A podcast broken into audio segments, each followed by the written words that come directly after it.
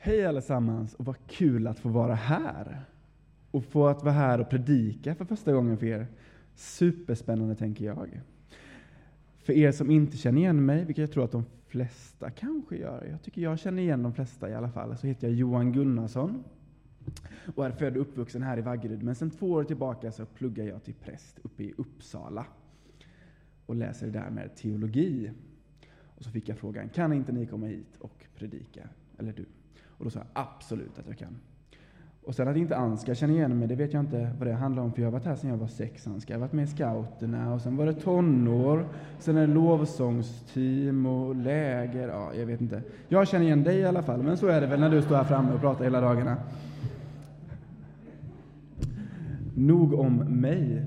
Ska jag vinkla ner den lite kanske?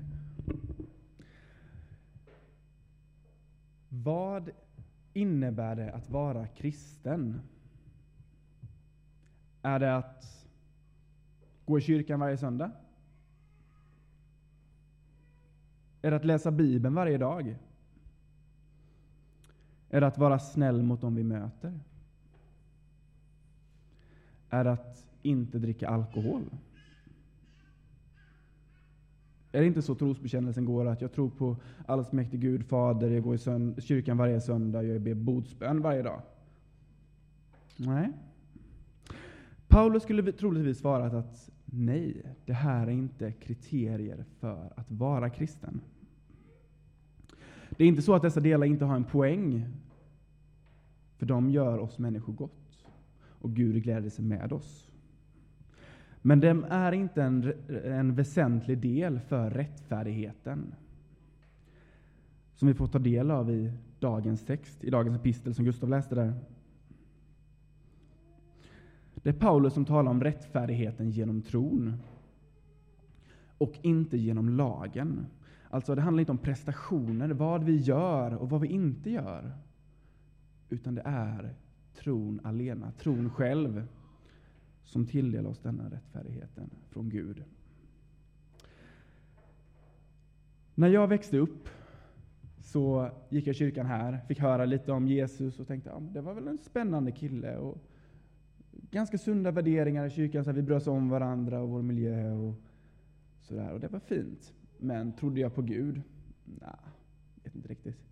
Började konfirmera mig i Svenska kyrkan av någon anledning, men jag hamnade där. Eh, fick konfirmera mig, hängde kvar som ung ledare och hjälpte till under konfirmationsarbetet i fem år. Var jag kristen? Nej, det skulle jag nog inte kalla mig. Men jag trodde nog på Gud. Efter fem år så frågade Mikael, som han heter, ungdomsledaren i Svenska kyrkan, om Johan, kan inte du börja jobba här 50 procent? Så nu, du har nu gått ut gymnasiet. Men Micke, ska jag jobba hos er? Jag, jag är ju inte kristen. Då sa han, jo, Johan, du är kristen. Då gick jag hem och funderade på detta. Och när jag kom hem så kom jag fram till att jag är visst kristen och jag har varit kristen i närmare fem år. Det var någonting som gjorde att jag inte insåg detta. Det var att i Sverige, som i mångt och mycket, utanför kyrkans väggar, så möter vi ett sekulariserat samhälle som inte pratar så mycket om tron. Och de bildar sina uppfattningar om vad är de håller på med i kyrkan nu igen. Så jag hade fått en, fått en lista i mitt huvud på kanske 20-50 punkter någonstans där. Det här är att vara kristen. Och så funderade jag på, kan jag bocka av med Bromma? Går jag i kyrkan varje söndag? Nej, jag tycker det är roligt att hänga med kompisar. Läser jag Bibeln varje dag? Nej, Netflix tycker jag är kul. Och så vidare. Och så går det liksom hela vägen. Och så var det få saker jag kunde faktiskt skriva under på att jag utför i mitt liv. Men en sak hade jag, och det var att jag tror på Gud. Jag tror att Jesus var hans son. Jag tror att han vandrade här. Och jag tror på det Bibeln säger. Och det tänker jag handlar mycket om det som Paulus pratar om idag. Att faktiskt det centrala är den kristna tron. Det är det vi får, får utgå ifrån och det är där, det som är det väsentliga för att vara kristen. För när jag sen insåg själv att jag är ju kristen, då började jag ju gå i kyrkan. Jag började läsa Bibeln. För det blev en, en del av mitt liv på ett annat sätt som jag inte vågade tidigare. Det är inte prestationer, det är tron. Men så, hur går det ihop det här, lagen och rättfärdiggörelsen? Då? Varför, varför kan inte rättfärdigheten ligga i lagen? Vi får en ledtråd om detta. Och Paulus säger även det i dagens epistel. Att alla har syndat och gått miste om härligheten från Gud. Utan att de har förtjänat det blir de rättfärdiga av hans nåd. Alla, var och en av oss, har nog någon gång syndat. Jag ska inte anta det, men jag tror att många av oss kan känna igen oss i det i alla fall. Den enda syndfärdiga som jag har hört om i alla fall är väl Jesus Kristus själv. Och att vi blir rättfärdiga av hans nåd. Nåd tycker jag är ett svårt ord, men jag har tränat lite på detta och pratat med många människor. Och jag tror att vi finner en ganska bra definition av detta just i texten. Ehm, att det är en gåva vi får ta del av utan att ha gjort oss förtjänta av den. Det ligger i vår, i vår natur som människa att vi kan inte avstå från vissa frestelser. Vi får kämpa och det ska vi fortsätta göra. Men synden finns i vår mänskliga natur. I köttet skrivs det i Bibeln, sarkos på grekiska. Det är så man förklarar det. Om vi går fram till kapitel 7 i Romarbrevet, så säger Paulus själv, ty jag förstår inte mitt sätt att handla. Det jag vill, det gör jag inte. Men det jag avskyr, det gör jag. Och Paulus har förstått vår oförmåga att handla till fördel för det som är gott. Att inte av, av okunskap, utan av frestelse och kanske lathet. Jag känner igen mig det i alla fall, när man tänker, nej men nu slänger jag de här soporna i vanliga sopkärlet istället, så får miljön ta den smällen på grund av min lathet. Och så värnar vi inte av vår fina skapelse. Jesus själv säger det, inte att han inte har gått synder, men han förstår vår natur. I berättelsen om kvinnan som gått äktenskapsbrott så för fariséerna fram henne då till Jesus och säger de, den här kvinnan har gått äktenskapsbrott, hon ska stenas. Och Jesus ritar lite i sanden då, som att han inte, jag bryr mig inte ens om vad de säger, det är så dumt det där. Så säger de igen, hon ska enligt lagen stenas för hon har begått äktenskapsbrott. Då säger Jesus, den som är fri från synd skall kasta första stenen. Och var och en så går de därifrån. Och så är det, vi ska inte döma varandra när vi gör fel. För att ingen, tror jag, är helt hundra procent rättfärdig. Vi ska jobba och sträva efter det. Men det är svårt att ägna hela sitt liv åt att göra varje minsta detalj precis så som det ska vara.